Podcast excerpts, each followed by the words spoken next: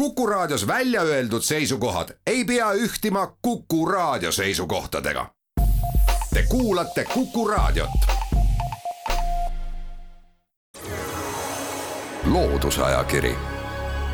vaata ka looduseajakiri.ee.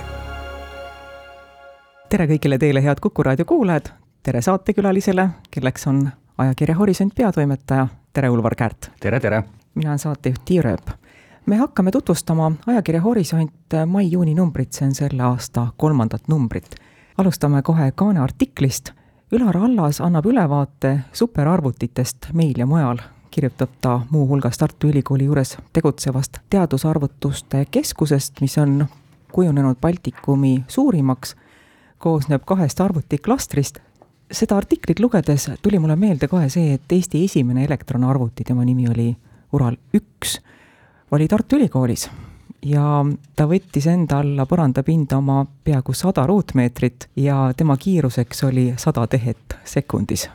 ja nüüd, kas ma võtan nüüd jutujärje üles, nagu lähme nüüd häälestume superarvutite peale, nendesse mastaapidesse? just. Need on ju inimesele või tavainimesele üsna hoomamatud asjad on, need on pigem sellised juhtmed ja igavad kastid ja, ja protsessorid ja, ja vilkuvad tulukesed, aga Ülar Allasel on jah, selles mõttes on hästi, aitab nagu erinevate eluliste näidetega nagu suhestuda selle maailmaga, et äh, ütleme, kui me tuleme nüüd siin omaaegsele Eesti võimsamale arvutile sada tehet sekundis, et siis äh, kui me tuleme nüüd maailma mastaapi tänapäeva, et siis Jaapani superarvuti arvuti Fugaku on võimeline tegema nelisada nelikümmend kaks kvadriljonit ehk siis miljon miljardit arvutussekundist. ja kui me tuleme, eks, et nüüd Euroopas on, mis on ka siis loomisel või täisvõimsusel alles käivitumas, on siis Soomes Lumi-nimeline superarvuti, et siis tegelikult see peaks minema isegi sellest veelgi kõrgemale, ehk siis juba üle viiesaja kvadriljoni tehte sekundis. ja, ja ütleme, kui räägib ka nendest gabariitidest, et siis see see luminimeline superarvuti on kuskil jalgpalliväljaku suurune ja see kaalub ligikaudu sada viiskümmend tonni, ehk siis me toomegi sellise omal ajal ikkagi see sada, sada tehet sekundis ja selline sada ruutmeetrit, et siis tänapäeva need aparaadid on ikkagi veel kogukamad, aga samas hulga võimsamad. eks ole ka kuuskümmend kolm aastat mööda läinud lehitseme ajakirja Horisont värsket numbrit edasi, jõuame intervjuu juurde, sa rääkisid Tallinna Tehnikaülikooli puidutehnoloogia labori juhi professor Jaan Kersiga. mis sinu jaoks temaga rääkides kõige huvitavam oli? see oli äärmiselt huvitav jutuajamine, nagu ikkagi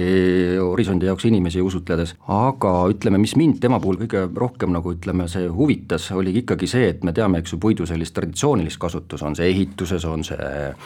küttepuudena ja energeetikas kasutamine pelletina või, või sellest mööbli valmistamine, et see on see, millega meie igapäevaselt suhestume nagu puiduga, aga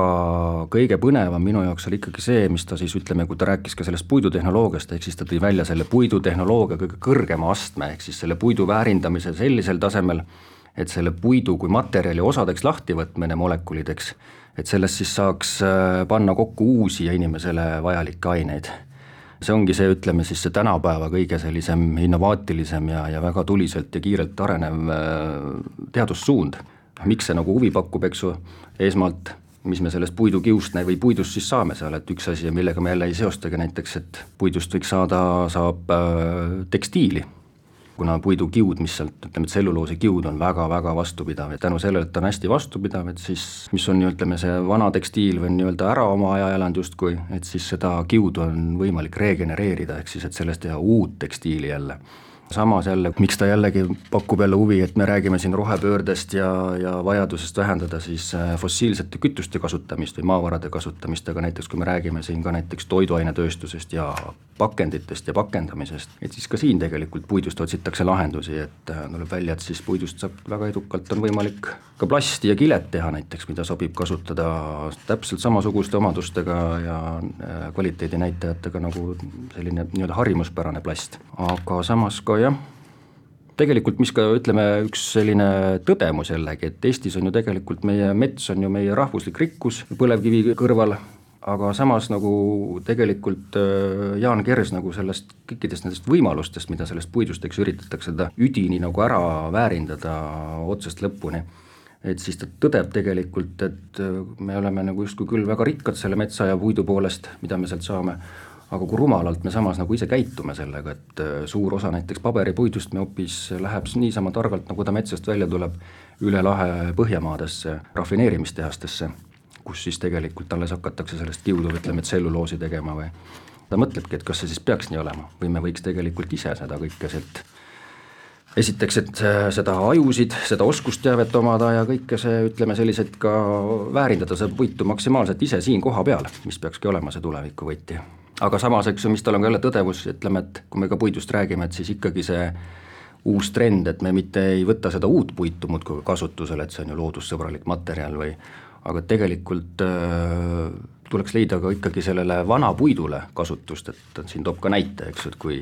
kuskil lammutatakse mõnda vana maja, et siis tegelikult tuleks äh, maksimaalselt leida kasutus sellele puidule, on see siis ütleme, uue mööbli jaoks lauamaterjal või on see mingisugune muud sorti väärindamine, aga et jah, et nii kergekäeliselt kui praegu näiteks puitu, vana puitu suhtutakse, et see peaks muutuma, siin ongi omaette mõiste veel, kaskaadkasutus. lehitseme ajakirja Horisont värsket numbrit edasi. Aivar Kriska ja Irina Rustaljova Tartu Ülikoolist viivad meid oma artikliga Eesti kunsti lätetele. Kirjutavad nad kiviaegsest keraamilisest pisiplastikast. tuleb välja, et pisiplastika kuulub maailma kõige vanimate kunstivormide hulka ja see pisiplastika, millest kirjutatakse, see on kuus tuhat kuni neli tuhat aastat vana jah, loed ja imestad jällegi või ütleme, kui tuleme seal nüüd nagu ise siit tänapäeva kontekstist, lähme üritame sinna kuue tuhande aasta tagusesse aega minna, et nagu ka siin selle loo autorid Aivar Kriiska ja Irina nagu tõdevad tegelikult, et siin Läänemere ääres ja sealhulgas ka Eestis oli tegelikult sel ajal välja kujunenud selline omanäoline täiesti selline keraamikakunst, mis siis ka klappis nii-öelda selle suurema ruumiga, et ta paigutus ilusti sellesse laiemasse pilti siin Läänemere regioonis. et kui me mõtlemegi näiteks, et tänapäeval meil on nagu telekommunikatsioon, missugused side, infovahetuse võimalused ja aga omal ajal, et mil moel siis ütleme, need inimesed ikkagi pidid läbi käima või see kommunikatsioon ka toimuma, et see sai niimoodi olla, et et oli siin Soome põhjakaldal ja või lõunakaldal, eks ju, ja ütleme, Eesti põhjakaldal, et need nagu klappisid sellises mõttes, et neid oli võimalik selliseid eh, pisikesi kujukesi nii-öelda ühte nii-öelda stiili ära panna või et nad olid sarnased mis ta toob ka välja tegelikult, Eestis on selliseid pisikesi kiviaegseid kujukesi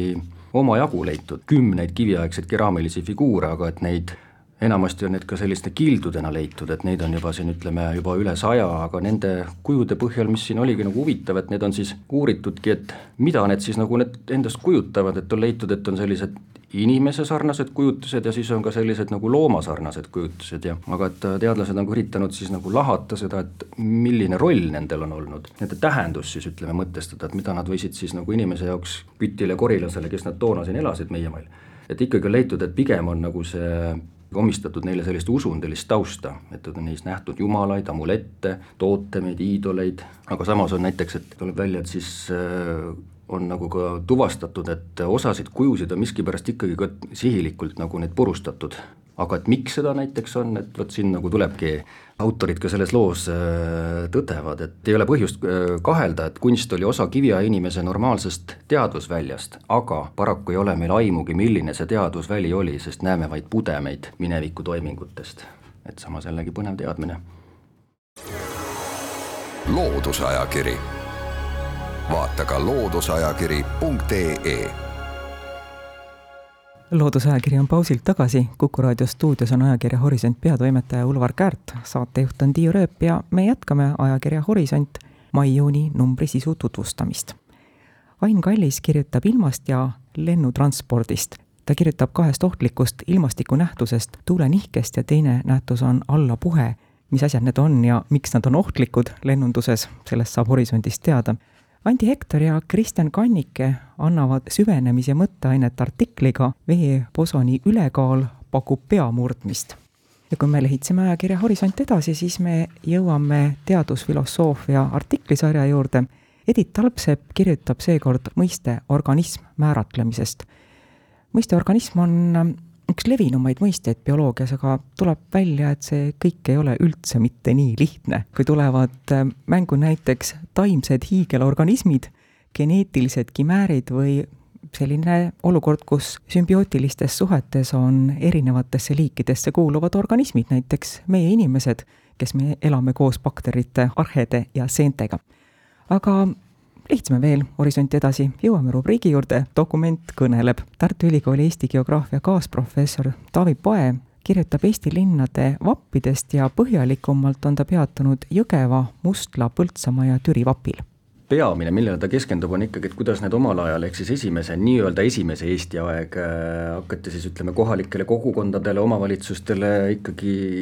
iga endast lugupidav selline omavalitsus ju tahtis, et tal oleks ka oma kilp nii-öelda, oma vapp, mis siis sümboliseeriks seda paika. aga et siin ütleme siis tuleb ka välja, Taavi siin selles loos ka kirjeldab, ütleme, kuidas omal ajal käis ikkagi siin, kas siis kohalik omavalitsus võiks küll, eks ju, ise otsustada näiteks, millist kilpi nad enda vallale tahtsid või, aga samas ikkagi pidi ka siseministrile sobima siis ta tegelikult toob ka välja selliseid näiteid siin just, et äh, oli see siis Mustla ja Jõgeva ja, ja siis ka näiteks ka siis Põltsamaa vapp on ka üks selline või ka Türi vapp, eks ju, kus siis kohalikud on küll äh, oma otsusega teinud, et milline see neile tundus, aga siis samas näiteks kui me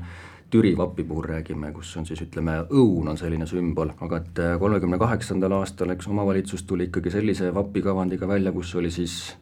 tollane, ütleme see firmamärk sellele kandile, ehk siis äh, raadiomast ja muuhulgas oli ka siis äh, oksa küljes rippuv õun sümboolselt sellel vapi teisel poolel kilbil, aga siseministeeriumist leidis see ikkagi, ei kiidetud seda heaks, tehti märge a la, et ikkagi see õunaoks ei sobi, et see tuleks vaja ära võtta ja oli vaja veel tegelikult mingisuguseid stiliseerimist teha. tänapäevasel Türi vapil enam ega üldse sellest raadiovapist enam ei ole kippu ega kõppu.